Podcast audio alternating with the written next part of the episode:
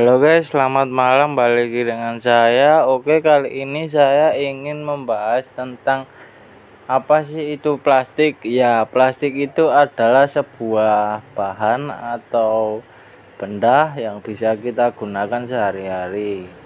Bahkan plastik itu sudah menjadi makanan sehari-hari ya, bukan berarti plastik itu bisa dimakan ya, guys.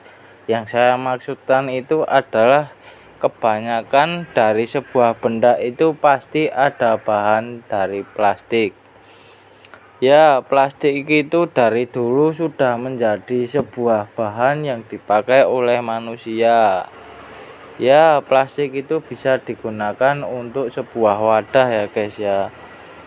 Sekarang kita lihat jika kalian membeli sebuah minuman pasti kalian minuman kalian itu berwadahkan plastik ya guys ya? Pasti kebanyakan itu bahan dasarnya plastik. Oke sekian dulu dari saya. Terima kasih